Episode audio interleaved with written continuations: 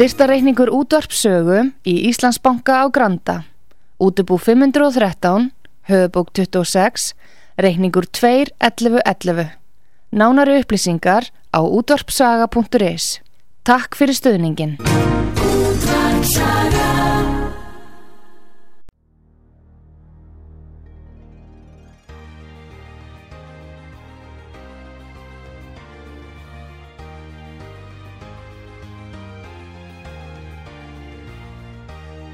Heimsmálinn í umsjón Artrúðar Karlsdóttur.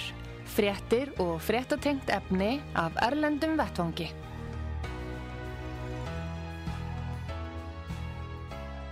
Já, komið þið sæl uh, þegar að hlusta út af sögu. Heimsmálina þessu sinni þá er fjallað uh, að tala við Haug Haugsson, uh, fréttamann okkar í Mosku, hann er komin til Íslands og við ætlum heldur betur að ræða með hann og við munum í setni hluta þáttarins opna fyrir síman þar sem að hlustendur geta sjálfur uh, spurt Haug Haugsson hér í útsendingunni 588-1994 símin. Þannig að uh, það verður um nóg að ræða. Góðan dag Haugur og velkomin til Íslands. Já, sæl, minn, gaman að sjá þig og, og hérna hlustandum. Við þurfum aðeins að láta laga hljóðið á því sé, sé ég. Er hérna á mikrofónu, við bara fá tæknimannin hérna inn til að laga það því að það er eitthvað að fara hérna úrskeiðis. Og uh, það er hérna, já, það er sambansleysi. En uh, gott og vel, við höldum áfram. Já, nú heyrist. Glæsilegt. Já, Eh, gaman að þessu, gott sjá haukur þig. að það heyrist í þér. Veitir ekki það, já. Nei, heyrðu, er þið hérna, hvað segiru, hvað, hérna, þú ert bara að koma út úr flugvilinu frá Moskvu, hvað er að gerast annað en drónasprengingar? Já, ég er nú að koma úr flugunni frá Ríka, það er Air Baltic sem er dóttur félag SAS sem flýgur hingað frá Ríka í Lettlandi og, og uh, fórum þarna ekki, já, maður hefði kannski búist, mátt búast við hreimingarleiðum en það gekk nú a- að óskum og manni var hlift þarna inn í Európa-sambandið og Sengen og fórum til Pétursborgar fyrst og svo rútið við til Tallinn og svo til Ríka uh, þetta var eitthvað fjóra sjólarringaferð og, og læti og, og rúta og svo skipti yfir í aðra rútu og svo týndi ég nú vísakorti í Ríka en ég hef þann ágæta van að hafa alltaf peninga á mér. Já, efrur, dólarar, rúblur, júan öll, alla peninga sem maður hefur og ef maður er á átakasæðum þá sittur maður það í sokkana já, svona 20 dólara í sitt kvot sokkin og efrur í dag, þetta hef ég frá Tjetjini ég bjargaði lífið minni í Tjetjini já, í februar, februar 1997 en uh, þa þannig var að ég til þess að týndi korti á bara veitingastað, hefði dottið úr, úr vasa á kaffihúsi. Já, og ef ég hef ekki haft þessar evrur á mér þá hefði ekki fengið morgumat á þessu Radisson hóteli þeir eru farin að selja morgumatinn sér já. og aðalmálið við hefum ekki tekið taxa út á flugvöll. Þannig að maður hefði staðið þar algjörlega peningalust að En það verðist vera þannig að menn séu núna að taka peninga úr umferð og, og gerfigreindin á að ráða öllu. Já, og ég hefði nú komið í strætó hérna ef að uh, ég er án ví- vísakorts Já. Arþrúður, og uh, strætómaður og hjólamaður og, og göngumaður en, og almenningssamgöngur að eitthvað app sem að strætó heitir Klapp sem er ágætt íslenskt orðu alltaf Sa- fyrsta lagi þá hlæðst það ekki niður en ef að börn til dæmis eru ekki eru með síma, ramaðslusan síma Já, slögt að símanum eitthvað slíkt eða annað eða hann horfin eða annað þá komast lítil börn seint að kvöldu ekki inn í strætisvegn og get ekki fe- fengið far með strætó án þess að hafa farsíma á sér. já, Þetta var reynd í Rúslandi að, að í mjósku allavegna fyrirtæki optimization, það er að segja hagræðing þess efnis að það, það, það sé bara hægt að borga með kortum í Já. almenningssamgöngur. Í Marsrútka er, það- er kallar eða strætóar já, og til dæmis ef að lítið barn er að fara úr sundlaug eða bókasafni sent að kvöldi og er feimið og þetta og er bara slögt á símanum þá kemst það ekki upp í vagnin og getur ekki no nota þessa þjónustu og Nei. lendir kannski illum höndum fyrir vikið. já, En gerfigreindin er að taka og velværingin er að taka við að það er ekki hægt að taka upp 500 kall borga og strætó miðarnir eru búnir. Já, og þeir sem að nota strætó eru útlendingar, immigrant, sem sagt gastarbæterar, þar að segja uh, verka, farandverkamenn túristar, krakkar, gamalmenni miklu leiti og þannig að strætó er bara fyrir það útvöldu sem að eru með þessa fínu flottu síma. En það er ekkert bara allir með þessa síma. Þannig að þetta er algjört kvörtunaröfni frá mér að, eins og ég segi, ég sinn týndi kortu og það peningar auðvitað Já. þessu kortu. Og það, ég get ekki notað strætó á Íslandi í dag og, og, og mitt barn kannski er að fara úr leikvemis eða sundtíma og er slögt á símanum og það fer ekkit upp í vagn og þá er annar maður að vondur maður á næsta bíl sem að Já. maður kera heim og bandið lendir í- meina, sko hverslas öryggi er þetta Já. í þessu landi og velvæðingar og eigum við ætla að setja inn í okkur hérna einhverjar uh, mikró inn í hendina næst og þetta er líka kontróla já, já. að menn er að reyna að taka út peningasæðla úr umferð Já. hvað ætla menn þá að gera þegar að slöknur á internetinu þegar klift verður á strengi þegar að rafmagnir fyrir af Mhm. þá byrja menn bara, bara að ræna búður vegna þess að kassarnir virka ekki við Já. verðum að halda í krónuna sjálfsögðu en papirspenningarnar þú Já, og þeir eru Jú, bara, jú. þeir eru einskist þeir, þú, þú ert ekki maður með mönnum þú eru ekki borgarlega réttindi ef þú ert ekki með snjálfsíman já. og ég er að tala fyrst og fremst um eldri, eh, útlendinga og já. og ég er bara En hrættur sem er haukur, er þetta svona í Rúslandi til dæmis? Já og þá, þá var sem sagt eins og ég segi þá í hérna strætisvagnar sem eru mjög gott kerfi og metró og miklum fyrirmyndabrag og það var náttúrulega frá sovjetímanum og sósíallinn að hérna þá var reynd að koma þá bara kort í strætóna Mm. en fólk mótmælti þessu og þú getur núna að borga í rúblum 50 rúblur Já. Uh, fær þá tilbaka, hann verður að gefa þið klink tilbaka, bílstjórin en þessi fyrirtæki reyndu að hagræða með þeim hætti að bílstjórarnir verður bara undir stýri og það eru bara kort greiðslukort, kreditkort notuð. En þessu var mótmælt af fólki rússum og ekki síst þeim sem vinna þar í þessum lálunastörfum, fólk frá oft ungt fólk og annað frá Asíuliðveldunum og hinga og, þanga og eldri borgara sem að kannski eiga að takka síma eða engan síma og vilja vera, vera menn með mönnum í þessu ágæta þjóðfélagi og eiga borgararéttindi, fátækt fólk sem ekki er með snjálfsímana og þetta var bara mótmælt og fólk reysu upp. Já. rússar eru bara miklu ha- harðari og fremra í ágætum linum Íslendingum. Og það var bara næsta dag, næsta mánuð var, var frá Kremli eða borgarstjórn nei, því komist ekki upp með þetta fólk á að geta borgað með pappisseðlum, peningum, mynd Þannig að fyrir það- þessa grunn borgara þjónustu að Já. komast á milli staða Já, já. og ég þarf er að lappa heim núna því að ég meina Akkurat, er þetta þá, hérna segir mér, er það þá komið þannig að eru peningastælar í gangi í Rúslandi þá? já, já. Núna? Já, peningaselar eru í gangi og verða í gangi og mun verða í gangi vegna að einhver tímar einhver, einhver í hvort það var viðreisn eða eitthvað svolítið við þurfum bara að afnema peningasela Mm. peningaselar eru bara fyrir dílara peningaselar eru bara fyrir þá sem ætla að stinda undan skatti og það verður total control frá ríkinu uh, um hvern einasta eirik sem að þú vegna þess að hefa með borg allir með kortum og þetta Mm. Að, að, að hérna að það, þá er ríkið og skatturinn með algjört 100% uh, kontról sem sagt, yfir lit og yfir og refsingar, mátt og venjur og darra, yfir einstaklingnum. Já, vegna þess, og þetta argument sem sagt, þessi rauk, þetta er bara fyrir dópsala og, og skattsvíkara hvort sem leigubilstjórnir held ég en taki nú alltaf, fyrir ári gæt maður borga með. 5.000 kalli og fekk tilbaka. Mhm. en, en á Ísland, Ísland er á þessari leið að uh, þessi ofurtæknivæðing þessi velvæðing þessi mannlegu samskiptir öll uh, á einhverjum símum og, og annað. Og þetta er bara mínum að þetta er mjög uh, heillavænleg þjóðin. Og eins og ég segi, ef að klift verður á net, internetið, ef að rafmagnið fyrir af á sig og króki, Akureyri, Reykjavík hvernig ætlaði menn að borga þá í búðunum, í verslununum kassarnir virka ekki, en, hann gefur þetta til, til, tilbaka er það sem að fólk mun þá þurfa að grípa til vegna þess að það vantar í matinn, eru gríptildir já, jú, jú. af því að, því að tækninir virkar þessi, þessi frá, sko rússar til dæmis þeir eru svona mm, með þess að þetta vestræna er svona ofur hugsun að tæknin leysa allt, allt sér svo frábært og svo þarf ekki að gerast, þá er allt farið á Já. uh, hinna hliðina og, og fólk þarf þá bara að grípa til gripdeilda í búðum til þess að hafa í matinn vegna þess að peningar verði ekki höndum manna Já, en segir mér haukur, er eitthvað sem færði til að hugsa sérstaklega að við verðum ramaslus hér á Íslandi til dæmis?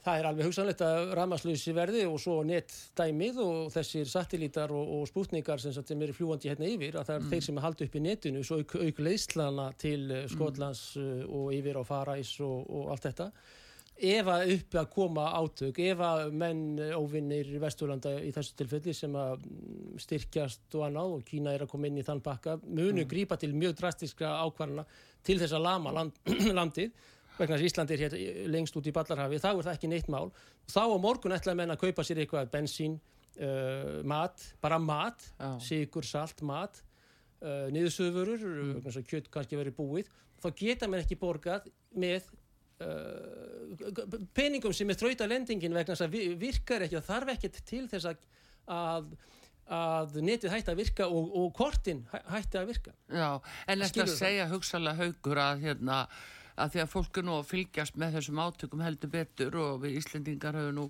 tekið bara já, verulega þátt í því en hérna, er þetta að segja að þetta getur refsi aðgerið frá rúsum? Er þetta að lýsa þeim? Já, ég er að lýsa ef að þessi átök sem að hafa núna verið í næstu 1,5 ár munu halda áfram og stegi magnast og það sem er að gerast í Vestur-Ukraín og Pólandi núna og landamærum Kvítarúslands og svo ef að kýmverjar sem að bendir allt til þess að sé algjörlega í vagninu með rúsum í þessum átökum Já. sem eru átök austurs-vesturs, miklu leit átök norður-söður líka, við þurfum að taka það norður, hér ríka norður, gegn hennu fátæka söðri, vegna þess að Afríku, Asi og Latinameríkuríkin er að sapnast að miklu leiti í kringum eða með rúsunum, þeir eru mjög margir og flest þeirra hafa, eru að velja sér bandamenn og leiðtoga. Og bandamæðurinn og leiðtögin er sá sem að mun vantilega sigra í þeim átökum, ég veit að heldur allt áfram. Mm. og vissilega er þau leiða á, á frökkum og nýlandustöfnunni og, og, og þetta.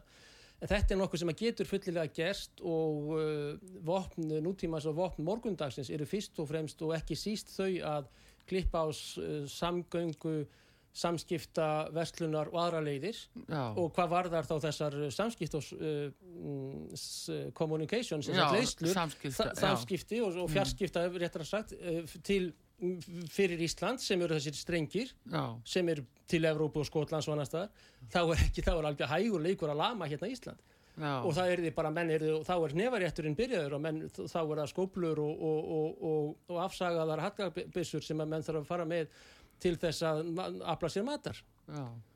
vegna þess að, vegna að sko. peningarnir sko. þeir verða ekki einu sinni umferð ef það tekst að af, afleggja peninga en, annars að, það myndir fólk reyna að borga með peningum já. skilur hvað þetta er viðkvæmt já, já, og við erum svo örug með okkur hérna á Vesturlöndum og Norður Ameríku að ekkert geti gerst þetta er bara ramasleysi og alltaf meina að nota rafluður og batteri og, og rafgeima mm. og dísel rafstöðvar til þess að halda þessu banka öllu þessu kerfi ef að það einangrast Ísland. Mm -hmm. þetta er svo heimskulegt sko og þetta fólk sem að ræður Íslandi er náttúrulega með ólíkjöndum já Vesturlöndum og Európa-sambandi er svo örugt með sig.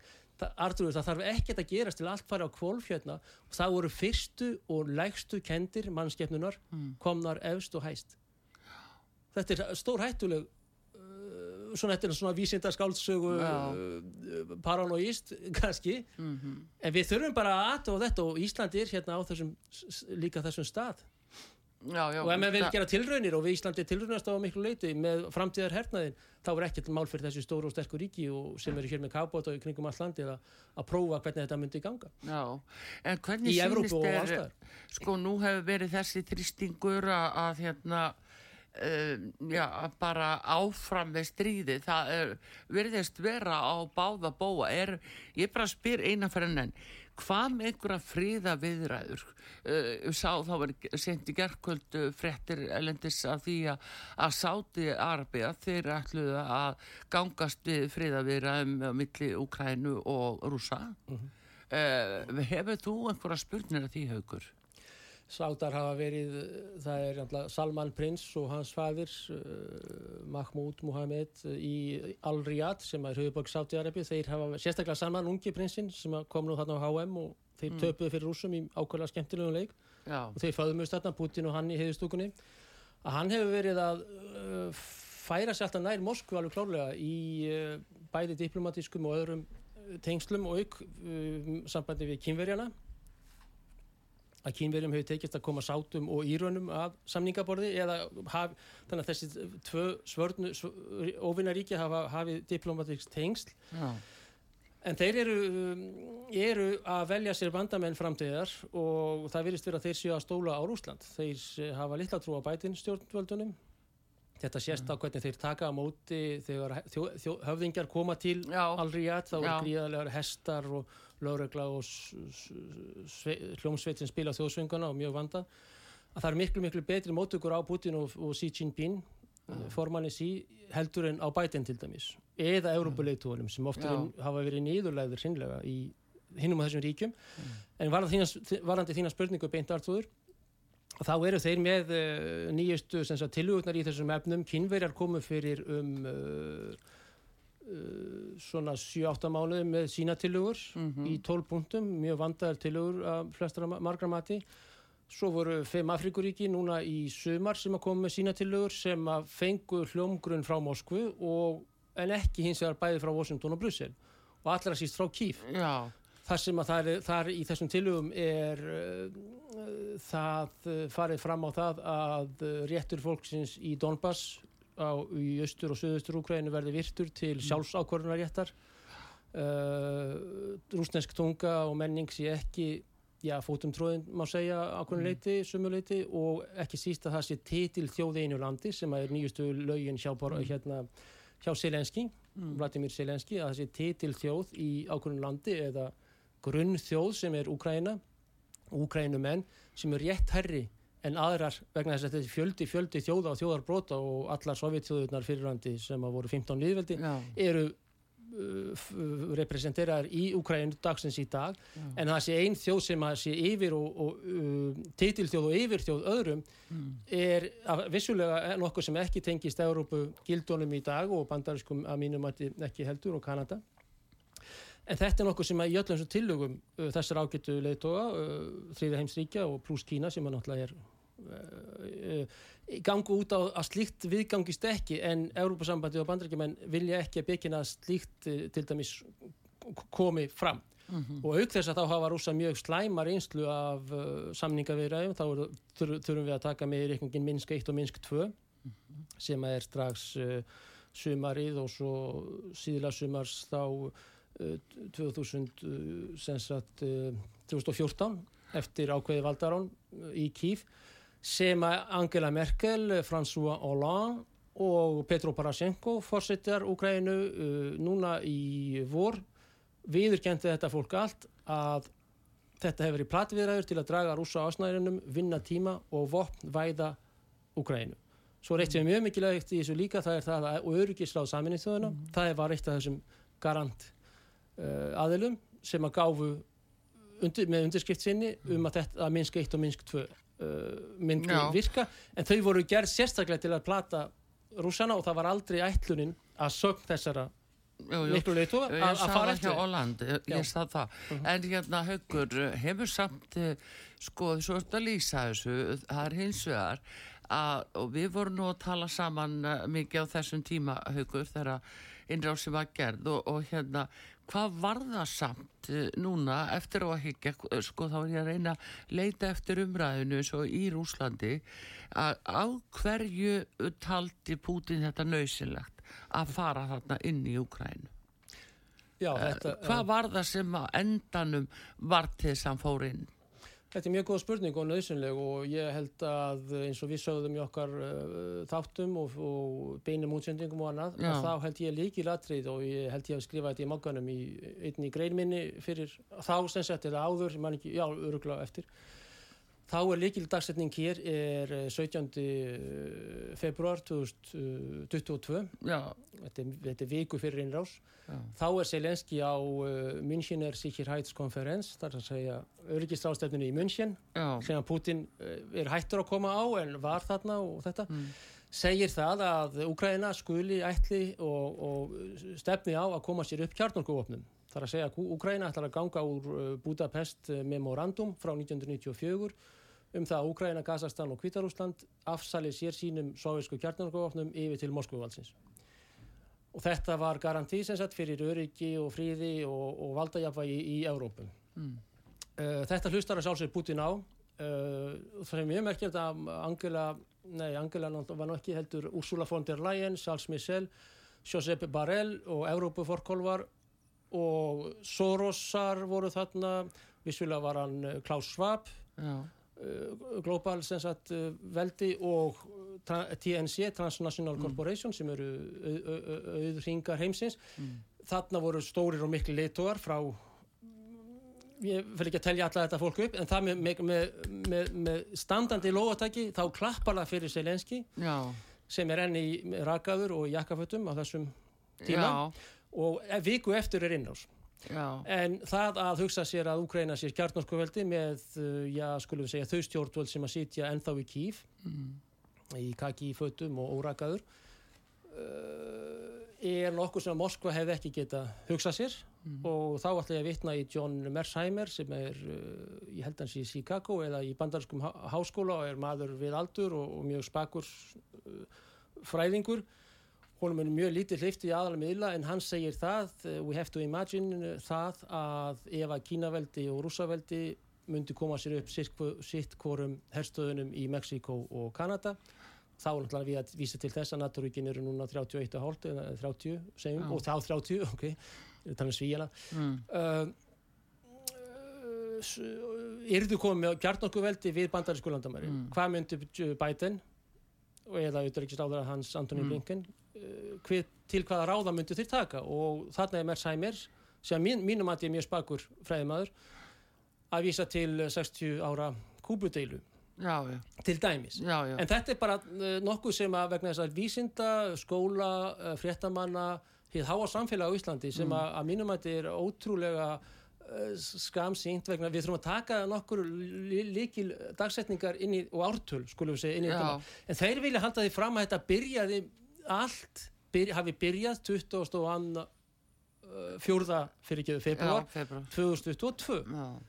En þetta er ekki það svart hvít við góðu þeir vondu mynd. Nei, nei, svo- ég veit að við, ótrúlega- náttúrulega vorum með fréttir af því þegar þú varst að segja í oktober þarna 21 að það væri, hefði brotist út borgarastyrjöld í Ukraínu. vissulega, já, já. Þannig að það ástandi var náttúrulega eh, mjög alvarlegt þar en ég tók eftir því líka að í mitt bætin aftur þú talar um München ástöfnuna þannig í februar þá var það bætin sem sagði við Selenski ekki fara ekki fara á þessar ástefnu Mm. það er eins og hann hafi haft pat af því að hvað Selenski ætlaði sér að tilkynna Já, já. hann hefur verið að vara við fram á að það væri alltaf ógnandi Já, þetta er bara uh, spök ákvarðun hjá bætin að reyna Já, að draga reyna að draga úr, úr hættunni. Já, en svona ennú þetta en þá er spurningamenn getur svona uh, brotið og doflæti sínu og, og það er náttúrulega virðist nú vera erfiðara fyrir marga en, en, en svona í fljótu bræði virðist.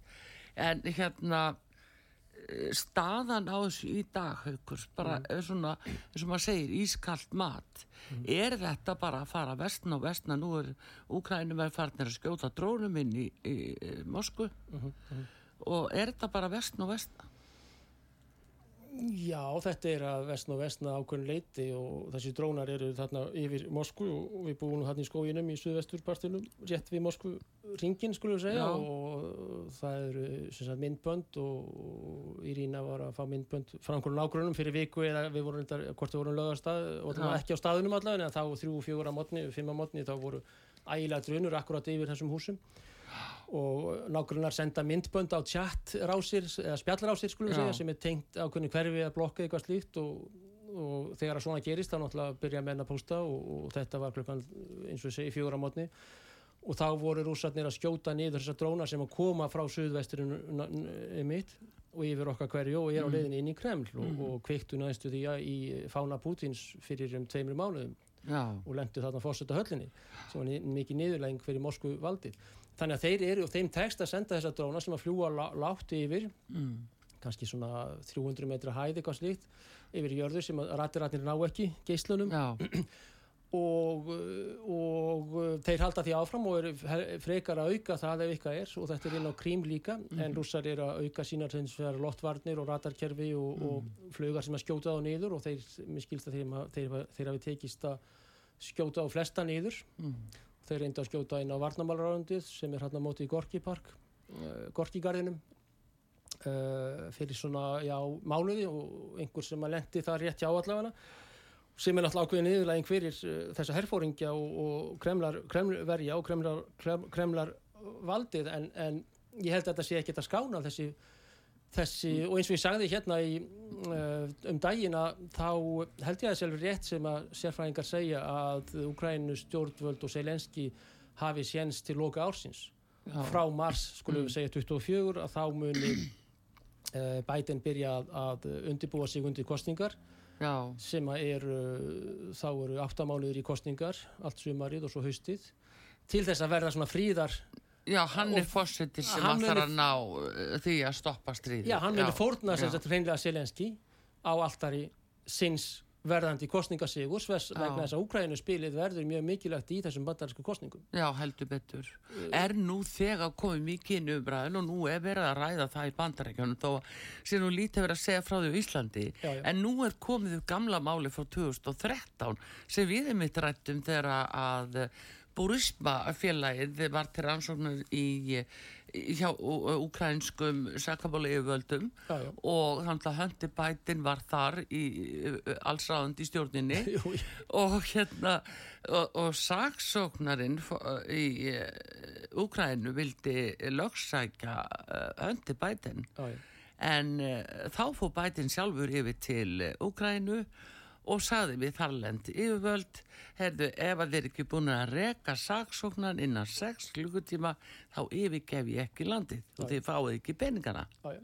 og þetta gekk eftir að saksóknan var reygin og bætin fekk að þess að uh, sko leta hafa peninga og síðan eru náttúrulega allt vittlust í bandaríkjörnum út af uh, sko salikonum á bakvið peningaflutninga til uh, höndi bætin frá kymverjum Já, já, frá þessum tíma, frá því að bætin var varaforst í bandaríkina en þetta fannst ekki rætt á Íslandi Þetta má ekki tala um og þetta er bara tabú og, og þessi sérfæðingar í ákveðnum meilum að þeir sagt, líta bara á þetta mjög svart kvitt og við góðu þeir vondu við með mm. rústa Írak, Afganistan, mm. Eh, Líbíu, drepa hérna miljón, miljón hérna Araba mm. enginn segir neitt í því og þjóð hinn að viljögu og svona skömmustulegir listar sem Ísland var á á þessum mínumati og þetta er náttúrulega en, en til dæmis Viktor Sjókin sem að þú ert að minnast áartuður hann var saksóknar í Ukrænu og hann er að fara í rannsóknir á mjög uh, óhreinum aðgerðum, búrisma og fleiri og höndur mm. bætin feðka og,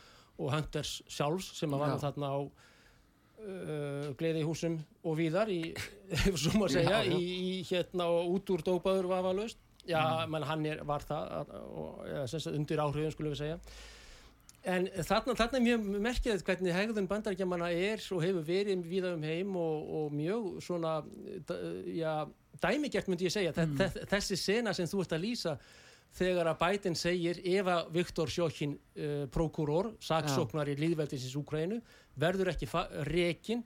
Eftir innan 6 klukkustundar, bara já. ultimatum bara já, já. Uh, hótanir þá fer ekki hérna úr landi og, og ég læti reyka miklu fleiri heldur en hann og, og hann ætla að láta peninga annars fáið ekki peningana AGS peninga frá alls þegar gæltir í sjónum þetta, þetta var miljardur dólara 1 mm -hmm. miljardur dólara, 1 biljón sem að hann sem sagt segir ef að þeir reykið ekki mannin og hann var reygin, Viktor Sjókin mjög góður lögfræðingur saksóknar í lífveldisins, mm. var reygin vegna þess að Joe Biden sest í stól segir þetta og, og síðan er ringing og ringing og tölvupostar og skjátur og, og skeiti og telegram mm. og maðurinn er reygin fyrir ja. engar sakir. Það er logið upp á einhverjum sökum, maðurinn er reygin vegna þess að hann ætla að rannsækna þessa spillingafjölskyldu sem hefur ráðið þarna um of að mínum að þetta er núna komið í umræðin í bandaríkjörnum blossar upp það núna í kostingabaróttunni og menn er svona að byrja að afsaka og skrumskela umræðin og segja já það þá nú að fara aðtökut að menn geti svona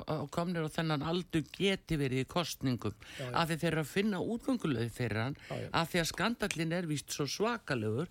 En spurningin er líka önnu svo haugur á NATO-fundinu um daginn þá fannst manni svona haldikoru eins og að Úkræna væri svikin einmitt af, af því að Biden sagði nei, Úkræna kemur brekt inn í NATO já, já. hann bara var bara ásvöldi sveik en, en eða gæti ekki heldur sagt til um það hvenar þeir mættu uh, vanta þess að fá að fara inn?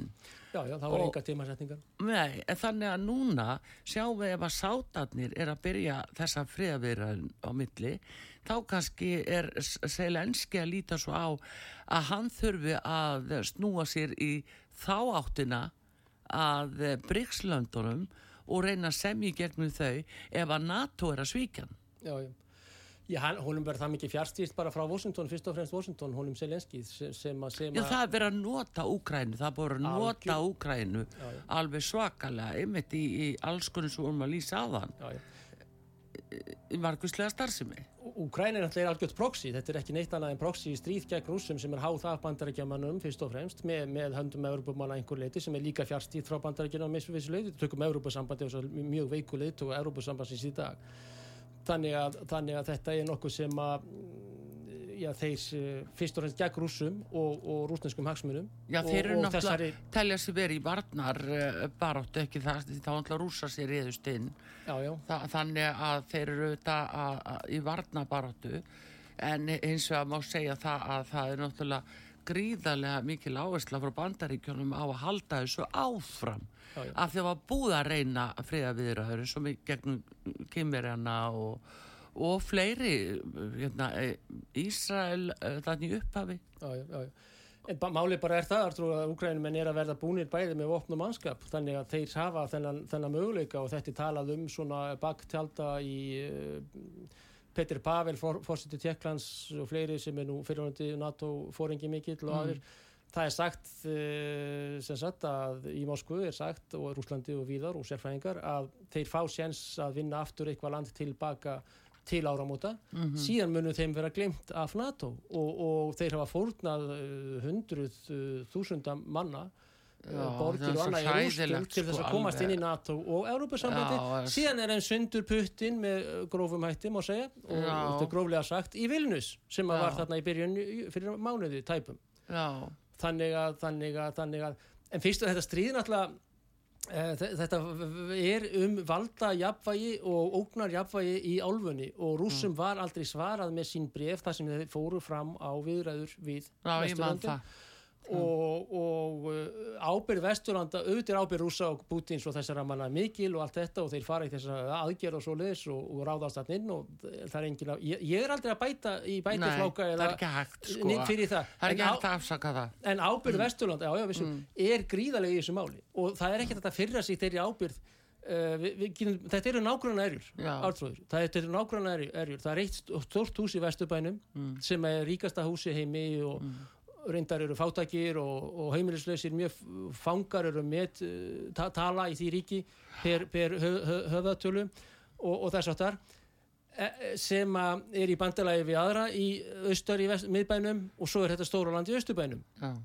þetta land í, í vesturbænum að það hefur ráðist inn í sem Írak, Afganistan, uh, Líbíu, Sýrland átt að vera næst og rústa þessum lö- löndum með aðstóð NATO sem er ákveðin sem sagt, bandalagsríki og menn eru þarna í bandalögum og an- anti-bandalögum og þessu. Ég held alveg sé alveg skilulegt að þessi rángræni hérna í austurum sé vara sam, samur um sig gagvart þessum nágrannar sem hefur rústað uh, og lagt í rúst heilu húsin í vesturbænum, í söðurbænum jú, jú það var það sem Araparíki segir að tala um og, og Jugoslavið þar á undan.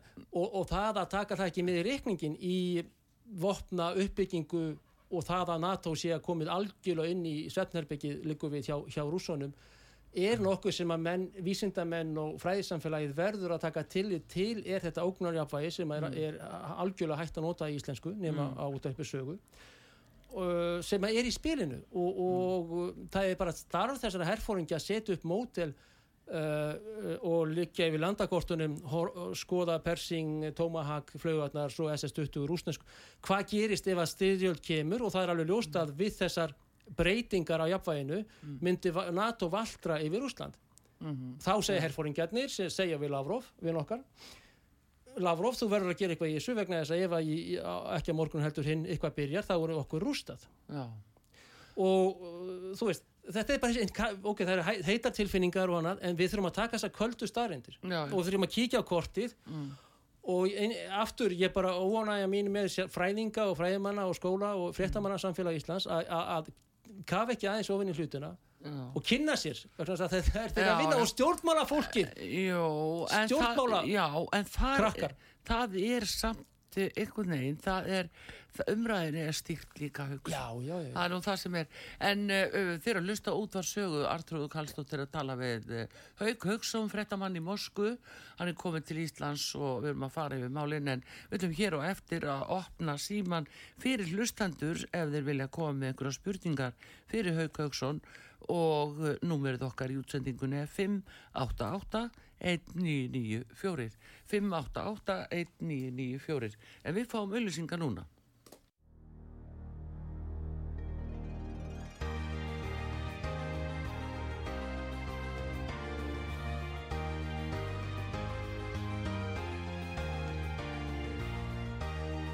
Heimsmálinn í umsjón Artrúðar Karlsdóttur. Fréttir og fréttatengt efni af Erlendum Vettvangi.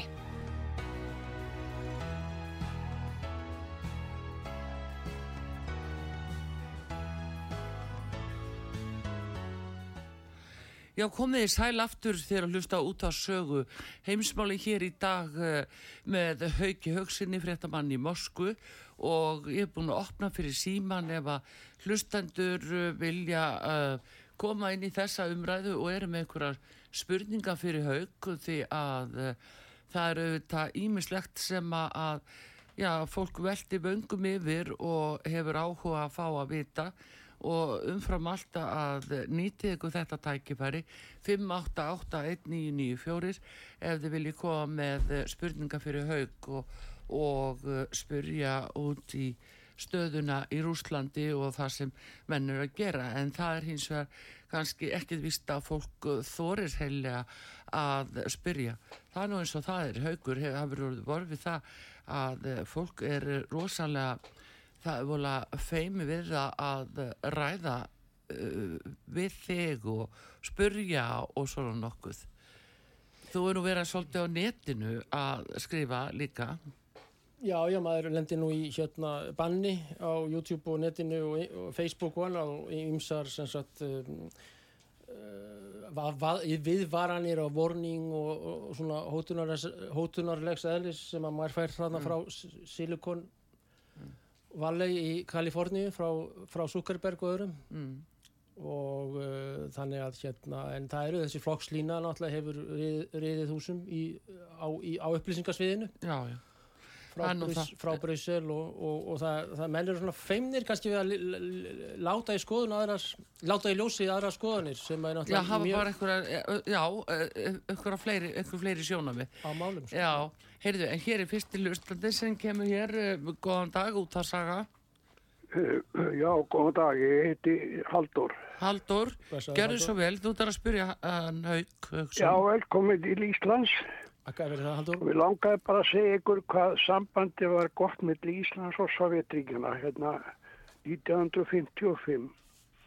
Þá fór menningafélag Íslands og Sovjetríkjana kvennadildin 50 konur til Moskvu og, og, og stjórnaririndrakar voru næstu í fleiri en það, þeir, þeir voru svo gestisnir og þau fór til Úgrænu og alla þessara söður ríkja til að njóta njóta blíðunar, þetta var bara í júli sko, steik hérna og, og mamma hún hérna vann nú fyrir heimilinu vegna þess að eh, pappi borgaði bara leguna, hann var mjög veikur, drakk allt og mikið brennivín og mamma vann fyrir heimilinu, samt gætu hún farið þetta í tíu daga hvað það var. Mm -hmm. og ég er nú að segja það að það endur nýjaði móðu mín alveg gífurlega að fara til rúsana og, og þeir tóku svo vel á móti þessum konum að við erum nú alltaf þótt svolítið vandum og því þetta að móðu mín lifði mjög erfiðu lífi hún vann mm. ægilega mikið mm -hmm. alveg rosalega mm. skrifaði marga þýðingabækur eftir að föðu minn og á ryttir til að press mér ekki til þessu það Já, þetta var ánægilegt eh, Haldur og hérna eitthvað sem þú vilt spyrja frekar út í hérna stríðið? Nei, stríð er stríð. Þetta er allt og flókið fyrir áttræðan mann að fara að kenna ykkur eitthvað. Stríð er bara stríð, það er ógeðslegt og, og það er ekki marka helmingina því sem aðeins segir, veist. Það, það er allir að blekja heiminn í, fréttaflutningi með að, já, ég menna, ég lít hann á að... Já, það er nú vandinn að það sé ansi mikið skreitt þarna sko, eins og allstaðar í, í stríðum. Já, herðu, takk fyrir þetta Haldur, við hleypum fleirum að... Ég byrja að helsa Pétri vinnu mínum. Takk að þér, já, blessaður. Já, þetta er rétt Haldur að það voru mjög góð tengsla í Íslands og Sóðringina á menningarsviði og íþróttum og mentun og fleiri mann sem fóru þetta í nám og annað og... Já og hérna mér náttúrulega var og er mjög öflugt fylgt og það er einhverjum mm. ræðilega sem ætla að reyna að leggja það niður en við látum það ekki gerast. Og ef að þörf var einhver tíman á menningar og, og diplomati þjóða á milli meðal fólks á milli þá er það núna og við leifum til ekki einhverjum fólki að leggja niður mýr. Hér er næsti hlustandi komin, góðan dag út að saga. Já, góðan dag, Valgir er ég. Og blæstaður Komið sæl, eh, mér langar að spyrja haug sko, hvernig nú er mikil svona, uh, við vitum hvernig fréttamennskan hérna heima er varandi stríðið, mm -hmm. svo lítum maður í erlenda miðla þá er allt annað, veist, það er svona verið svona mismunandi stefnir og ströymar í þess að fréttamennsku hérna varandi stríðið, mm -hmm. sko, og mér langar svolítið að spyrja, er verið að ruggla fólk í rýminu með þessu öllu saman? Þú veist, uh, eins og með Selenski, nú er hann eh, nei Putin, nú er búið að flytja fleiri, er ekki hundruð þúsundir barna frá Úkrænu, er ekki að skilja Já, til Rúslands Já, það, eitthvað, það hefur verið flutt, uh, ég veit ekki töluna nákvæmlega, en uh, frá átökasæðinum í Östur-Úkræðinu og Donbass-sæðinu þá hefur verið flutt já. Uh, já, nokkur þúsund að minnst kosti börn inn í Rúsland já. sem eru þar í uh, Uh, já, þessum heilsuhælum, sanatórium og annað sem er búa, búa þar á þeim svæðum. Og þetta eru fyrst og fremst borð sem eru rúsnesku mælandi frá Östur-Úkræðinu vegna þess að engin maður í Östur-Úkræðinu hefur talað úkræðinsku frá alltaf öðlu þetta er frá Vestur-Úkræðinu, Pólskárif eru, eru, eru Östur-Úkræðinu En, en eins og maður, maður stinnjar þetta þá finnst mann eins og þetta sé byrjun á einhverju stærða því að, því að sko, þetta er, maður veit ekki alveg hvernig, hvernig staðan í er að því að við fáum svo einhliða fréttamennsku hérna heima, skilur. Algjörlega, já, já. En það eru til dæmis 63 mæna sem ágættu vinnur okkur kallar hústökumenn í miðborg Reykjavíkur, hann Gundi, Gundi sem að já. greiða atkvæði með því að þetta, þetta sé uh, rán á börnum. Það er verið að flytja fólk eins og Churchill gerði, Winston Churchill, hann flyttu 900.000 börn upp í Skosku Hálöndin og frá London og Coventry og þessum borgum sem að Luftwaffe var að bombardera. En þessi börn mm. hefur fyrst og fremst verið að flytja þau frá hérna átakasvæðum þar sem eru loftar á sér á báðabóa og mjög vond mál og, og ógeðslegt og annað. Já, Inni, sagt, eh, en síðan þá getur fólk eh, kem, komið yfir og sótt þau. Eða það, það er ekki verið að ræna þessum börnum eða neitt slíkt, það er algjör fásina frá ÖSE sem er örgisamtöku Evrópu sem að mega nú kannski eh, lifa sin, sinn fívilfegri og það að alþengi Íslandinga hafi ekki áhuga á að kynna sér hinn að hlið mála í þessu máli er... er en, en einn spurningu viðbótt, hvernig uh mhm. -huh. heldur þú að þetta endi, þetta, þetta stríð þarna í, þarna uh -huh. í Ukrænu, hvað, eh, sko munan, munan eh, sko þess, þess, það eru viðræði núna við sáti, eða það gerir ekki sáti aðra bara meðlamálum? Já, Ímsir, Óla Ragnar var að vilja eitthvað og jú, jú, en hérna það er margir sem vilja, skulum við segja, fyrir ekki, já. Já, en það er svona bara hvernig, hvernig þetta verður, hvernig þetta mun í raun og veru að enda því að þetta mun alltaf enda eitthvað tíman og það verður kannski við samlingaborðið Ég held að þetta valgeri að þetta endi þannig að það verði gerðar demarcation line sem er eins og línan í Norður og Suðu Kóru á 37. líklega breytagráðu að það verði þarna lögskilnaður á millu austur og vestur Úkræðinu þar sem eru einni tvær þjóður í einu landi og spurningin er hvað rússar ætla sér langt það er margt sem bendir til þess að þeir muni taka Kharkov og Odessa Nikolajev, Dnipropetrovsk og þessar stóru borgir þarna, yðnaðaborgirnar í uh, söðurinni og austrinu Það eru líka mjög margt sem bendir til þess að pólverarnir ætla sér fimm héruð í vesturúkræðinu með Lvov mm. sem er uh, einfallegasta borgin þar í... Nei, það sem ég bara segja, þú veist, við, það, það, sko, við, við erum, erum mötuð að svo mismjöldum frektum, það er kannski það sem ég ætla að reyna að koma að. Já, já, en hérna er mjög mikilvægt það sem ég var að reyna að segja áðan, það er já, það að já. menn verða að kafa frá 1945, já, 1991 og 2000, þetta eru þrjá dagsetningar sem ég er búin að skrifa, ártöls skrifa hjá mér en menn taka alltaf frá 2022 sem að er ekkert það, það, það er þú veist, ekki byrjunin á þessum átökum. Hún, þau eru Hjaltarsankomulæðið, Potsdam, Teheran þegar þessi þrý reytuar hittast. Svo er það 91 fall Sovjetríkina og 2000 þegar að, þegar að, þegar að Jeltsin tekur, Boris fer frá og, og Putin tekur við og, og, og auk þess, þessar fimm bylgjur útþenslu NATO. Og svo það sem ég var að segja um uh, John Mersheimer. Eh, en þetta upplut þannig að Valgeir, Valgeir, við þurfum að leipa fleiri mað í alvöru tala. Já, takk fyrir, já, já, blessaður. Já, við leipum fleiri mað þegar býða uh, hér margir og uh, við skulum sjá hvað kemur næstur. Góðan dag. Góðan daginn, Reynir heiti ég. Uh, hvað heitir þú, þú? Reynir heiti ég. Reynir, já, sæl og blessaður. Gjör svo vel. Bless, blessu bæði. Hérna, það er eitt sem að ég oft er að nýta eftir í þessar umræða með þetta stríð og það er umgang uh, umsókn eða ekki umsókn uh, ákvæmlega geti gengið í NATO mm -hmm. og hérna eins og við tekjum allir leikreglunar að þá getur umsókn aðeins ekki verið í stríði, í stríði mm. Mm. þannig að ég, ég skil andrið þessa umræðu uh, fjölmjöla hér og bara í okkar vestrana heimi uh, hvað ekki til?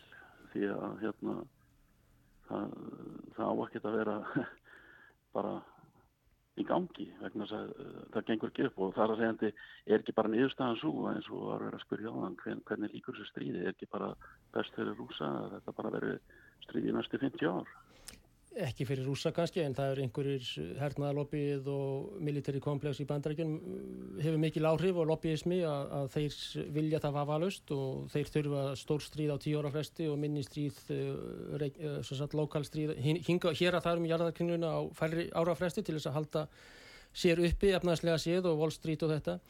En þetta er mjög vönduð spurning á þér reynir vegna þess að lögfræðilega séð að það þurfa menn að vera vandaðir í sinni umfjöllun og þekkingu og visku og framsögnu og, og hér vantar aftur, aftur uh, stein í, í áttað gróðurhúsi uh, gróðurhúsi íslenskra fréttamanna. Vegna þess að eins og þú segir þá meg ekki vera uh, territorial dispute það meg, sagt, meg ekki vera landamæra erjur eða deilur eða á, hjá NATO-löndunum. Og allra styrjöld í landinu sem er borgarastyrjöld frá 2014 í núna í nýju ár rúmlega ef að menn ætla sér að reyna að ganga inn í NATO Þess vegna hefur uh, Stoltenberg, hinn vandaði normaður uh, og NATO-fólkið, einhver sem að stjórnar þessu fjárstýrir frá Washington vegna þess að þetta er engin lögfræðilega alvara að draga sér lenski greið á þessum masnæðurum sem er búið að gera með hann í hans uh, fjögra ára fórsetatíð og Parasenko þá eftir vill á undan.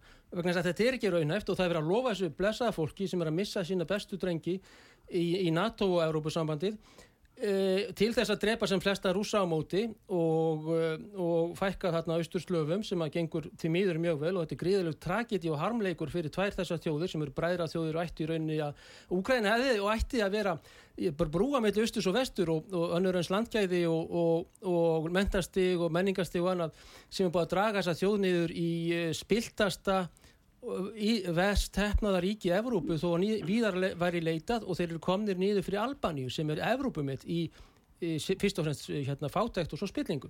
Þannig að þessi spurningrein er mjög vöndu hjá þér og þetta er nokkuð sem menn þurfa uh, að aðtuga að, að er ekki uh, raunhæft og þú, eins og þú ert að minnast á og, og þarna bæði í Bryssel og annars ég, ég, ég er alltaf svona pínd á gati svona þegar maður bæði horfur á sjónvarp og útvarp eða hlustur útvarp að hérna Ég, ég skil ekki hvað það er að tala um sem getur ekki áttur stað já, já. en heyrðu, úr erinn í annað mm -hmm. uh, ég, mér þykir mjög gaman að hlusta þegar að þú flyttir þín að pysla og, og viðtör uh, við aftrúði uh, eru þið að tala ekki um gammaldags síma eða eru þið að tala ekki um netið eða? netið við erum að tala ekki um Skype mestuleiti mm. já, Þannig, það, er eitthvað, það, það er eitthvað sem er að fine-tuna hjá ykkur sko því að þetta er rosalega erfitt útarsefni Þú, þú hefur svo frá svo mörgu að segja og það er einhver tíma eða tæmtilegi sko millakar hún, hún er reyna að spyrja. Uh, það verður rosalega erfitt að hlusta á einhver bæðarstundum því að, að, að það er svona ekki hikk upp í gangi í, og, og þú talar eins og þú sést sko alveg ofirkur sko. Já. þannig að hérna þú ætti kannski að hlusta á einhverjar upptökur og svona.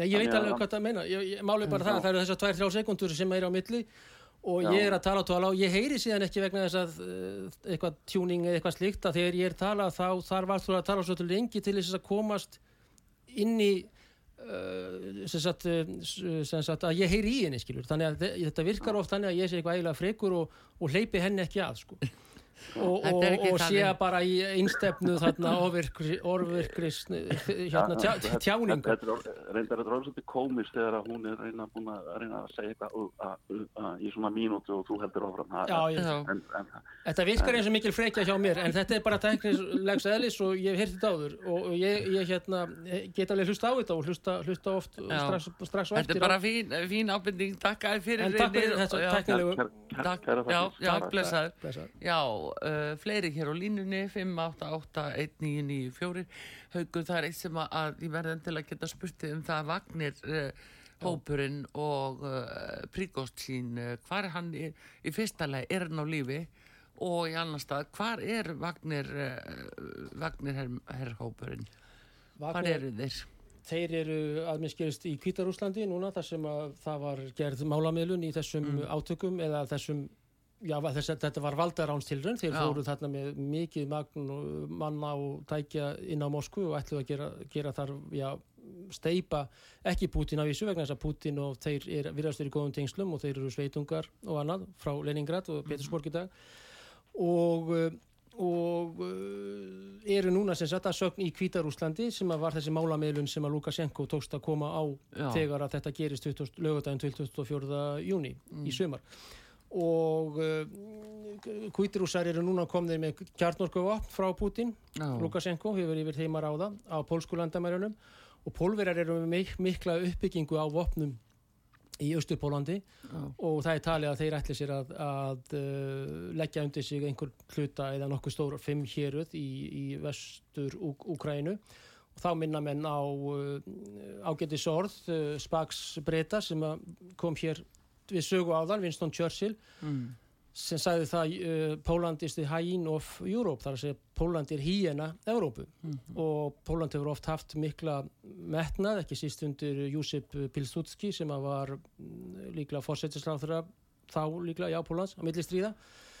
Og þeirra draumur er það sem kallað er atmosi damosi þar að segja frá hafi til hafs landsvæði frá Eistrasaltri nýðu til Svartahafs. Já. þá erum við að tala um Odessu líklega sem er mjög, mjög fallið borg sem er rúsnesk borg, þetta er mm. borg sem er byggð af, af Katrínu Miklu, hún reykur þyrki á sínar sögulegu heimaslóðir.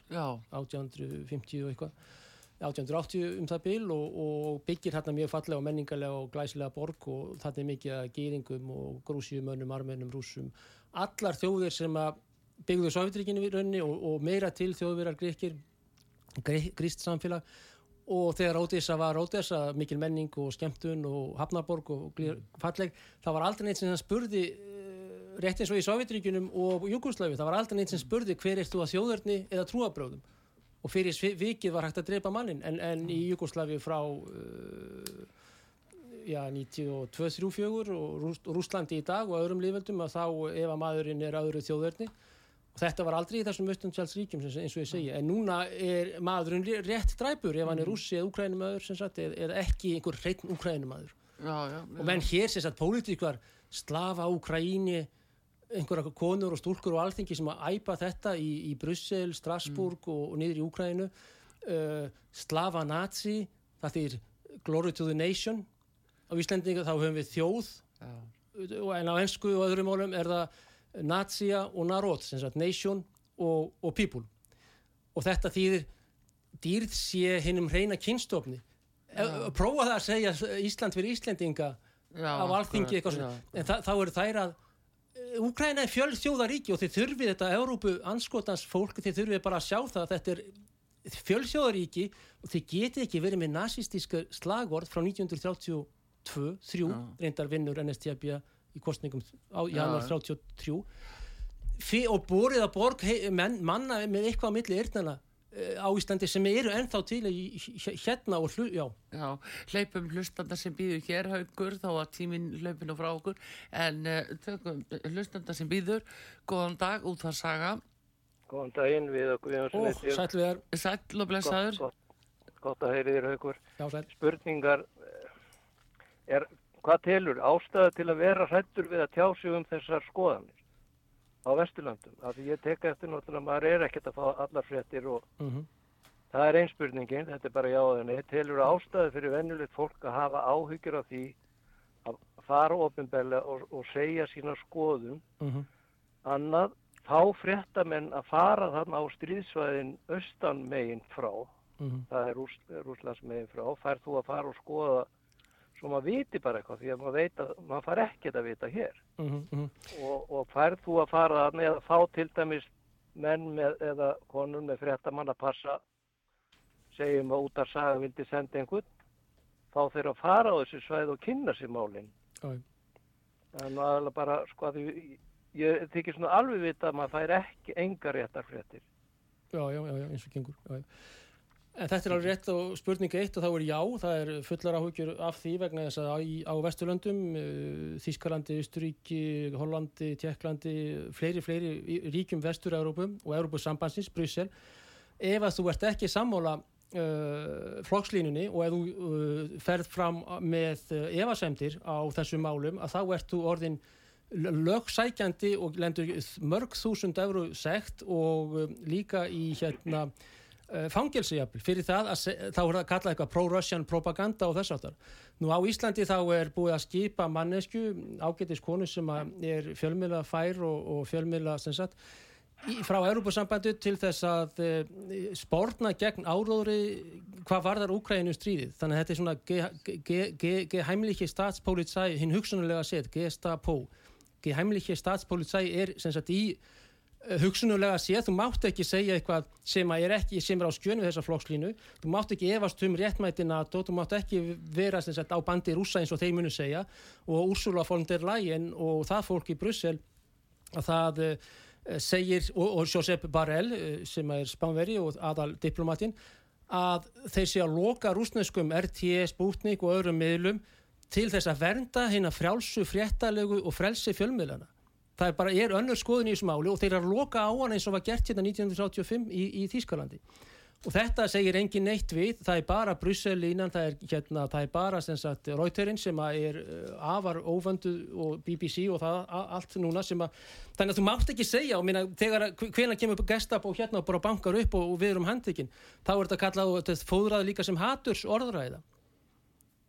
En það var stikkipuð ákveðin kona fyrir einhverju mánuðum í þetta sem er mjög reynd fjölmiðla manneskja og þetta er náttúrulega Evrópa á 2001. öld er með ólíkindum og hvað var þar við að, að, spurningu 2 að þá eru allavega uh, frétta hérna, þjónusta varnamálurlandis í Rúslands, þeir eru hættir að fara með bladamenn þarna nýrið til vegna þess að þeir hafa verið drefnir uh, bæði af uh, Hæmars og, og þessum klasasprengjum núna Þannig ég, ég var, var, fór þarna í ferðir á, áður fyrr og, og maður sá þarna austur héruðin, maður gæti tala við almenningi í Marjúpól og Asofsdal sem maður fór þarna um þar, þær katakombur, mjög áhrafa mikið að koma á þess að svæði, en þeir hafa ekki farið með eh, eh sendinemdir núna sí, síðusta hál, hálfa árið eitthvað, eitthvað svoleiðis. Hvað var þar kýfstjórnina þá er einhverjir sem hafa sérstaklega í, þá er það skipulagt og minn sínst er það skipulagt af NATO-fólki að fara með rútur uh, vestan frá kyrti vestur, sínt eitthvað og annað, viðtölu við fólk og annað.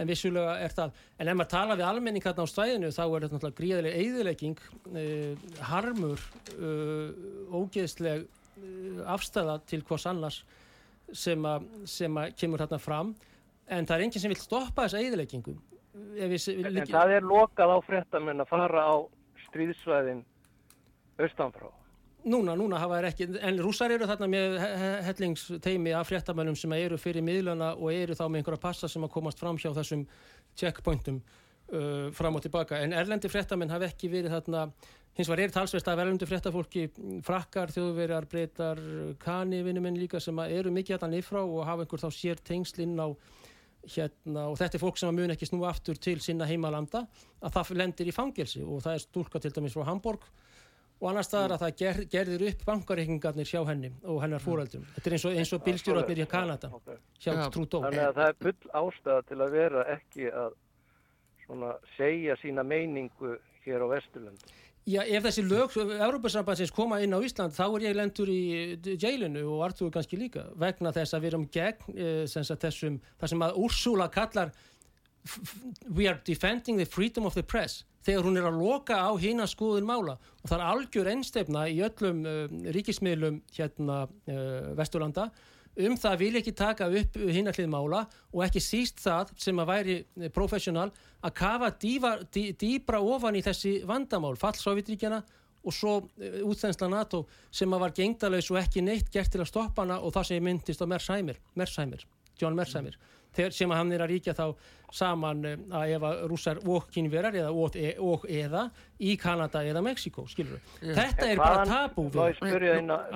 Hvaðan heldur þú að þessi kraftur komi til að reyna að bremsa af þessa frettamösku sem að, að upplýsingaveitingu af bara hverjir er að deyja og uh mhm. -huh. hvað margir saklösu úgranjumenn er að deyja og rússar uh mhm. -huh. þetta er alveg ræðilegt að gerast þannig Þetta er ræðislega umíkjaskapur íslenska frettamann eh, hérna og þeir eru bara undir hjálpnæl Brussel bæði NATO-skristofunni og svo hinum við guttun einhver staðir hvað sem það er þeirri borgu er, er Euróbrúskristofan og þetta er ótrúlegt eh, viðar með að kalla sig fagmenn í þessu málu vegna að þú verður að og þeim ber skilda sem ég segi einu svona, einu svona aftur opnaður úr og farðu neðst á síðuna.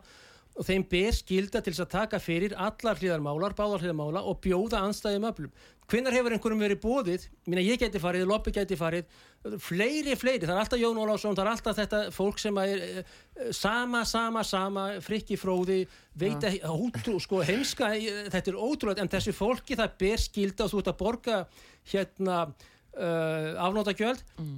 en þeim ber skilda samkvæmt eigin lögum, eigin lögum að, að bjóða og, og láta allar og báðar skulum við segja hlýðar koma mála og far, reyndu bara að analýsera þetta frá 2000, frá 91 og frá 45 stöðu ja. málan í Európu og þetta ógnarjabæ en það má ekki og það er bara þessi yfirborðslega við góðu þeir vondu uh, svartkvita myndin við megum rústa Írak en þú veist Ég er ekki að sko við þar að mæla mót skilur, þú, þú ert klókur maður og skilur hvað er mér þessari innrás og, og árásum Pútins og það, það allt dæmi, það er enginn sem er að mæla því mót hel, helvita maður.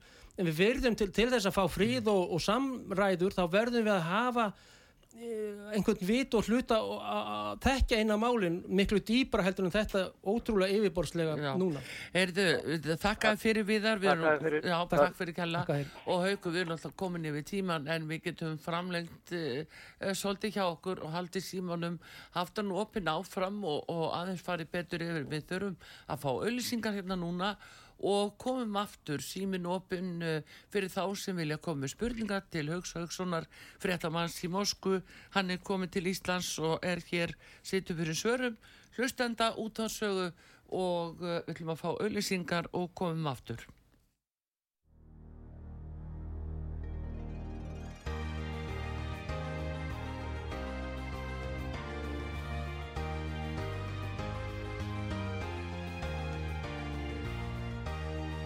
Heimsmálinn í umsjón Artrúðar Karlsdóttur. Fréttir og fréttatengt efni af Erlendum Vettvangi.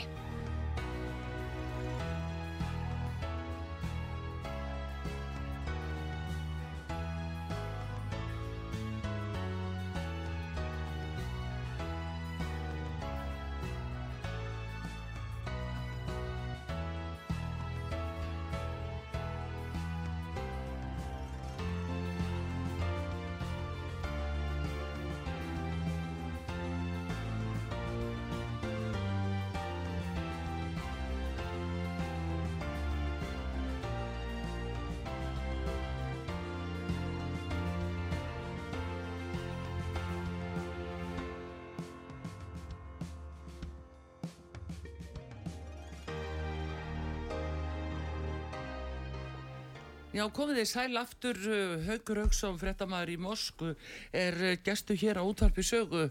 Hann er komið til Íslands og uh, er að svara hlustundum út af sögu sem að vilja ringja og koma ákveðna spurningar til hans. Ja, númerið hér í útsendingunni er 588-1994, 588-1994 og fólk svona er að velta vöngum yfir ymsu í sambandi við þetta haugu það er ákveðin svona feimni, fólk jafnvel þorri ekki að minnast á það að það sé að, já, það sé að hugsa þetta svona á, á uh, breyðum grundvelli, það, það er verið nú að segjast eins og er, það er svo umræða sem að síst hefur uh, fengið að þrýfast en hérna þetta er uh, mjög ónotalegt stríð í alla staði eins og stríð eru auðvitað. Mm. en, og frettinnar af því það sem ekki mannfall og, og svona nokkuð eru einhverja tölu sem þú telur að séu réttar um mannfall? Já, ég hugsa að þetta sé tölunar núna séu svona um 300-400.000 ungir menn sjá ukrænumennum þá við að tala um uh, fyrst og fremst herrmenn mun minna óbreytum borgurum nú eh, Príkósin og þeir sögust mm, þeir sögust drepa svona sjö á móti einum eitthvað svoleiðis sem afalust er, er íkt mm. þá erum við að tala um þá kannski einhver hundrað þúsund rúsa Já.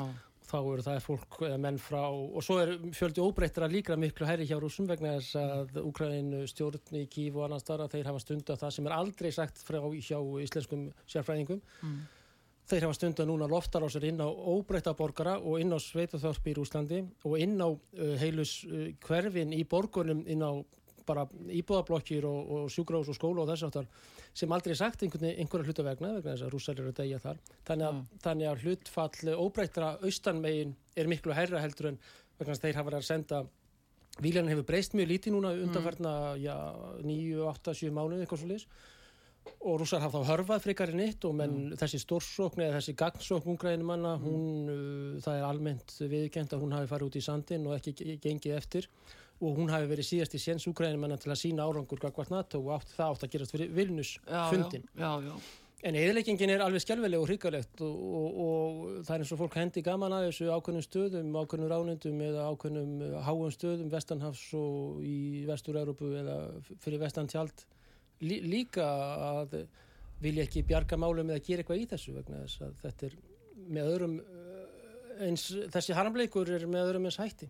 Já, þetta, er, þetta er náttúrulega rosalegt fyrir eh, eiginlega bara fólk að, að vita af því það er nóg og geta samt lítið sem ekkert gert, það er nú það sem er. Nákvæmlega, en, eh, en aftur aðeins að Vagnirhópnum og þú veist að tala þarna um að Póland þeir hegðust á landvinninga í Úgrænu uh -huh. uh, hvað þarf til að það gerist? Hvernig má það vera? Já þeir Valla hafa verður það án átaka. Já já. Þeir hafa uh, þeir sem að núna stjórna í flokki laga og réttlætis eru Mattius Moravetski og, og Andrzej Duda fórsættisláður og fórsætti Pólans að þeir er að fara í kostningar núna og það er uh, Tusk, Donald Tusk er Já. þar í aðal anstöðu og þetta ágjörðan afni er búið fram Tusk en ekki Tusk eins og mm. færi styrstjárfræðingar Íslands gerði einhvern tíman og Donald Tusk hann um, var nú Európukomissar og annað hann er að segja það að Wagnerhópurinn það er svona áraugstrykk hjá Tusk hjá Donaldi líklega að hann sé einhverju samstarfi við Wagnerana þar að segja Moravetski og, og, og Duda. Mm -hmm. og þetta er svona einhver hræsláraður til þess að, til þess að, mæntalega til þess að fá atkvæði hjá almennum pólverum en pólveri hafa bara ákveðina Pólandi náttúrulega, þú veist, 40 miljónir eða 50 og, og reyndar eru stór hluti pólvera handan landamæra pólska ríkisins. Uh, mikið metnaði í það að endur heimta aftur uh, gömulsvæði sem að lof var uh, auðvitað katholsk og polsk borg og það er mikið já, já. af katholskum kirkjum þarna og uh, lítil rúsnesk áhrif eins og mm, sagt er og mm. hún var ekki útlýtlega í stríðinu eins og Varsá og Minsk og þessa borgir um að taka þessa borgir til, tilbaka og það eru lög sem, sem að Selenski skrifar undir þess efnis að pólverar geti verið í lauruglu hér og annar staðar í vest, í Úgrænu bara, í, í lífveldinu Úgræni allavega þeim leifum sem að verða eftir af henni og hafa fullan rétt uh, sem pólskir borgarar á pólsku svæði. Þá erum við að tala um embætismenn, hermenn, lauruglumenn mm. og annað. Þetta er náttúrulega mikil afsölun á fullveldi með Ukrænu oh. sem að Selenski er að skrifa þetta undir og hann er í uh, Dúta verist vera í hafi mikið metnað þarna inn á, inn á vestur Ukrænu. Þannig að henni verður skipt upp að mínum mati. Já, heyrðu það er hlustandi sem býður hérna, góðan dag, útvarsaga. Mm. Góðan dag. Afsaka, ég var að kingja kaffisopa, góða daginn, þetta er Magniða hérna. Já, sæl. Sæl aftur. Þetta er með spurningu fyrir haug. Ég er endur mikið dálætt á þér haugur og hef gaman að ég hlusta á pitslana þína. Akka er.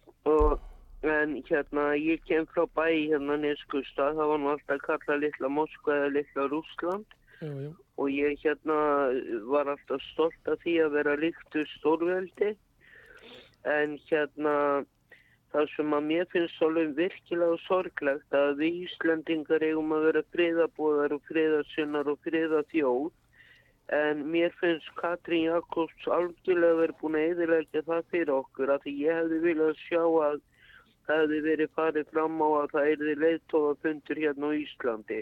Mm -hmm. en ég held að hún svo algjörlega búin að eðilegja það fyrir okkur Já, já. Þannig að mér langaði eiginlega bara svona að segja að það koma því inn að, að mér finnst þetta mjög sorglegt og, og þetta er bara, þetta er einhver sem að, maður hefði alltaf að trúa að maður myndi upplifa uh, bara á sinni lífstíði, einhver svona hörmungar eins og stríðið og með fylstu virðingu fyrir úkrænum ennum að þá er ég ekkert að gera lít úr þeim en, en ég hafa alltaf dálætt að því að vera líkt við stórveldi.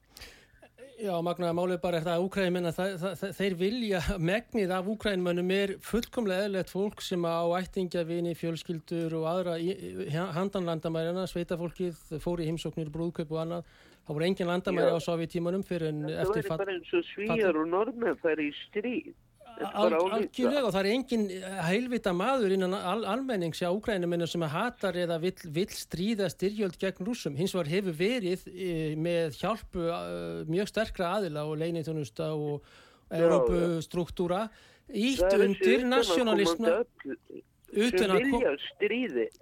Og þeir eru senda þarna vopnabyrðir og annað í staðan fyrir að reyna að gera einhver fyrir fólki fullkomlega gefa því mat, gefa því fötu, gefa því húsaskjól komaðum í burtu, ég menna mm. en í staðin þá dælar og dælar og dælar vopnum og mm. þetta er bara þú veist og þeir eru að tæma vopnabúrin sín þjóðirnar í kring út að þetta sönda svo mikið önnur eins skömm eins og er af Katrín Jakobsdóttir og hennar flokki í auðvitaðrækismálum og önnur annar eins viðsmunningur Ísland úr NATO, herin á brott og svo núna er þetta mesti strísæsingaflokkurinn, mesti pening Það er svo skammarlega sem til er og, og ég er enda með alltaf meina það og hún hefur aldrei verið að formlega kosin sem fórsetir sér á þeirra okkar ekki svona ofinberlega hún var bara sett í þetta enda. Já, já, jú, jú, stjórnskipinin gerir nú ríka ráð fyrir já. því að fórsetting getur ráð því.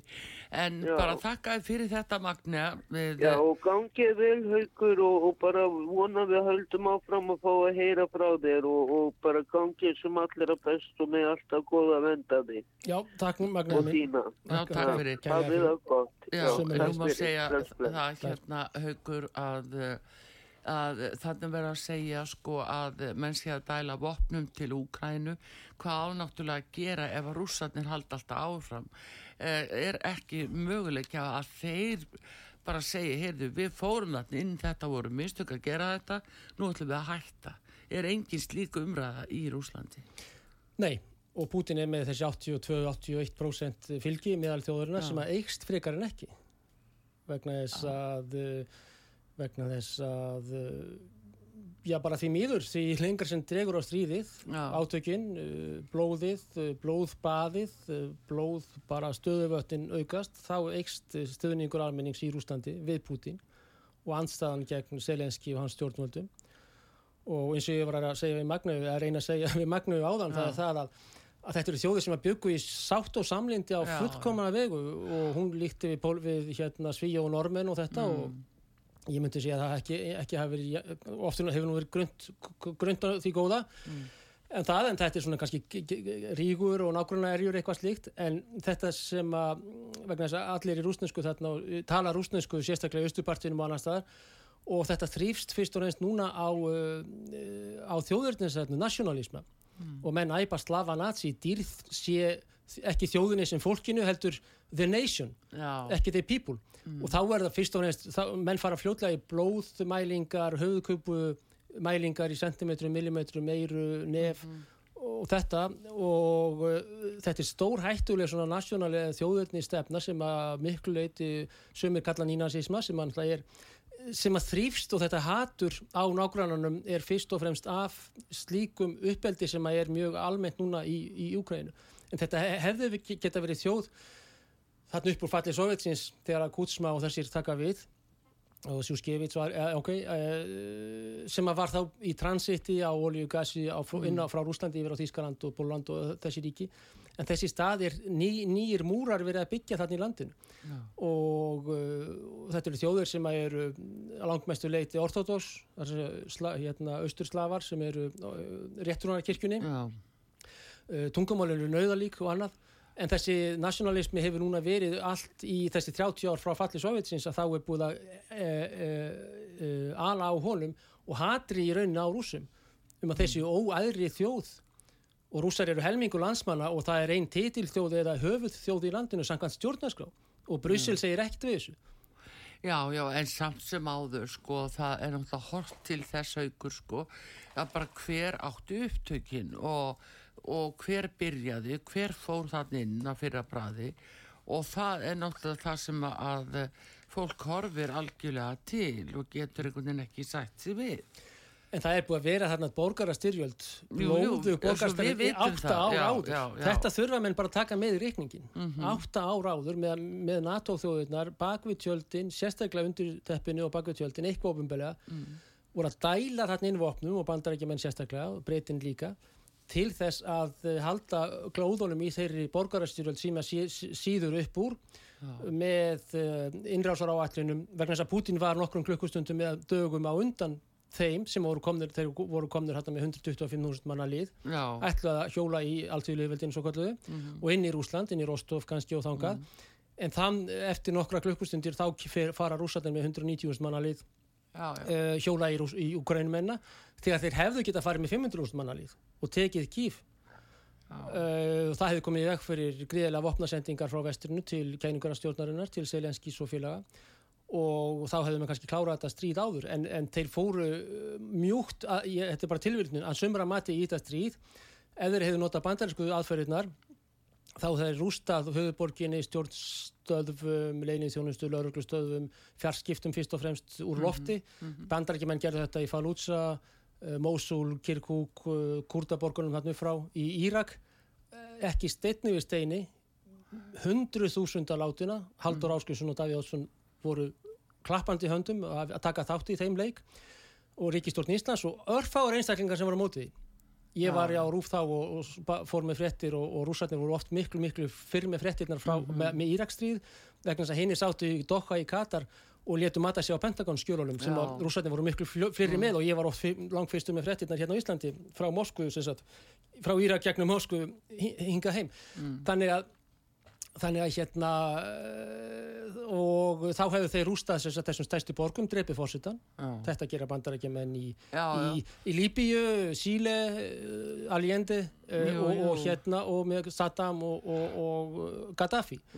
Dreipið leituan og sett sína menn í staðin ef að rússar hefðu verið innan gæðsalappa vissulega faglegir í smáli Já, við sjáum líka einhvers í Líbíu já, já. og allt úr loftin. Já, Þe, þeir hafa þvíliks sterkan flugherr rússar að þeir hefðu mm. geta notað bandarísku aðferðina en einhvern veginn velur Putin það að fara uh, með landirinn, já. Já, með landirinn mm. og ekki með þessum gríðalega yfirborðum úrlofti sem að bandaríkjuminn hafa gert og er, er vissulega faglegt ah. ef, ef þetta er mjög kaldar orð, orð að segja svona en ah.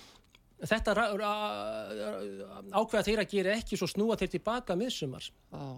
fyrir árið þá snúa þeir tilbaka fara frá Sumi, fa voru búin að umkringa Kharkov, mm. uh, Konotop, fleiri borgir sem þeir fara hreinlega tilbaka og það átt að heita frá Putin sem sagt, eða frá hans kansilíu uh, uh, merkju um góðan vilja. Gútu vil signal eitthvað sem, já, já. sem man auðvitað Selenski og henni tóku, tóku ekki í. En þá eru samninga verið að gerast í Ístanbúl sem að voru líka til þess að vinna tíma og og ég held að samningavirðaði núna frá Moskvu sé ekki raunhafur vegna þess að þeir hafa vonda reynslu af því að semja við þá sem ætluðu fyrirfram að svíkja samningana. Já. þá er það minsk, eitt og, minsk, minsk samningarnir, 1 og 2 Já, já, þú segir það. Þetta er, þetta er nú um, um, málistóra og endalösa eins og maður segir en aðalmálið er að það náist eitthvað lending í þessu og sem menn verða sátti við. Og við höfum að vona að sátarnir hafi þessi áhrif núna Þetta er stert ríki og ólíjan þeirra er náttúrulega mjög mikilvæg og, og, og þetta er land sem var mjög vinveitt bandarækjunum frá 72-3 eitthvað svo löst þegar Nixon fer þetta nýrtir, mm. hann fótt til Kína og síðan til Al-Riyadh í Sáti-Arabi og gerir hérna ólíu dólarasamning og það er ef, ef, ef þáratnir eru til dæmis að fara frá dólaranum mm. að því áður var, voru gjaldmiðlar tengtir unsu að gulli og þetta en síðan eftir þessa Nixon aðgerð sem var mjög klók og og það er náttúrulega spakur gammal geðingur í dag sem heitir Henry Kissinger. Já. 100 ára eitthvað svo lið sem var mjög fær í kall í utarikistónustu og hann stendur á bakvið þetta og líka kínatriksið gegn sovjetmönnum þeir sovjetmenn vissi ekkert gátt að gera 73 eftir að Nixon fer til Peking. Já, en hann var, Kissinger var í, í, út í Kína núna. Já, einmitt, hann fer til Peking, mjög merkilegt og hittir jáfnvel sí formann Já, hann gerði það að hérna þetta er stert ríki sátarnir og uh, eru fjórusturíkja miklu leiti hvað var að peninga áhrif annars þar í uh, Afríku, mm. uh, í Araba heiminum Jemen eru þeir með mjög uh, óskemtilegar aðgeri sem engi vilt segja Akkur segið ekki frá Jemen, litlu börnunum í Jemen núna mm -hmm. hvað er búið að gerast þar lengi hvað Pentagon er búin að gera þar tilraunir og annað já, og já. allar ógeðslegar þjáningarnar í Jemen aldrei sett frá því hjá þessum sérfræðingum okkar en ef að sátarnir, ef að, ef að Salman Prins er að velja rúsa sem helstu bandamenn. Mm -hmm. og með þessu skeiti sem hann er að senda til Moskvu um að hans er tilbúin sem moderator eða sem, sem fríðar viljun darara, þá er það nokkuð sem sem að bandrækjaman þurfa að hafa, hafa áhyggjur af og, og uh, gæti alveg verið eitthvað sem að sem að hérna mun um, skil árangri í, í þessum öfnum Já. þannig og þetta er náttúrulega fjandin, fjandmaður Ísraelsríkis. En þá, en þá. Já, já. en hérna og geðingafaktorinn er mjög sterkur í Ukrænu líka. Já, þegar þeir eru að fara fram hjá bandaríkjörum Það er málið, það er mjög merkilegt. Þeir voru í bandinu, þeir voru mm. í hópi hinn að vilju og ríkja eins og íslenskir leituar oft voru og sömramætti eru enn í, í bandi bandaríkjamana og, leitir af þeim sem alveg klárlega er núna vegna þess að við erum fyrstir í því að loka sendiráðunni í Moskvu ah. sem er ótrúlega aðgerð ótrúlega uh, skam sín aðgerð mm.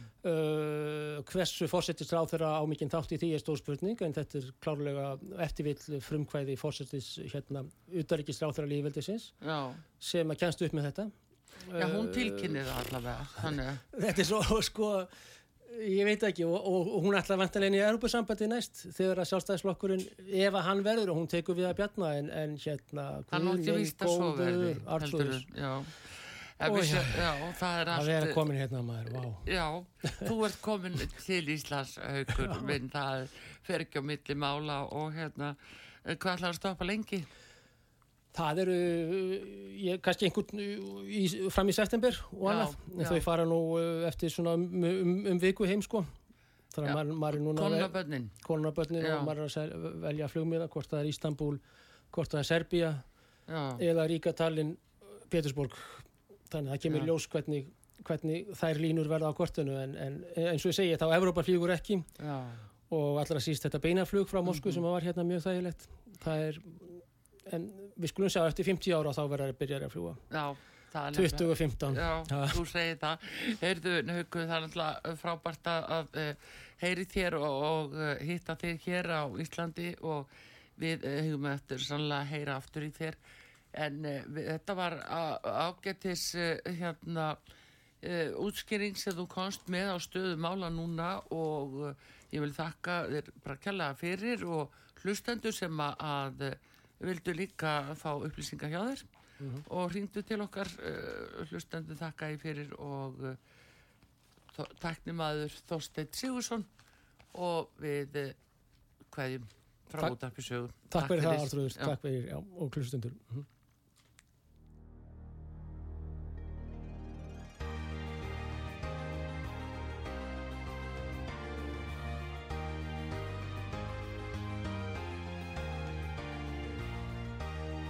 Heimsmálinn í umsjón Artrúðar Karlsdóttur. Fréttir og fréttatengt efni af Erlendum Vettvangi.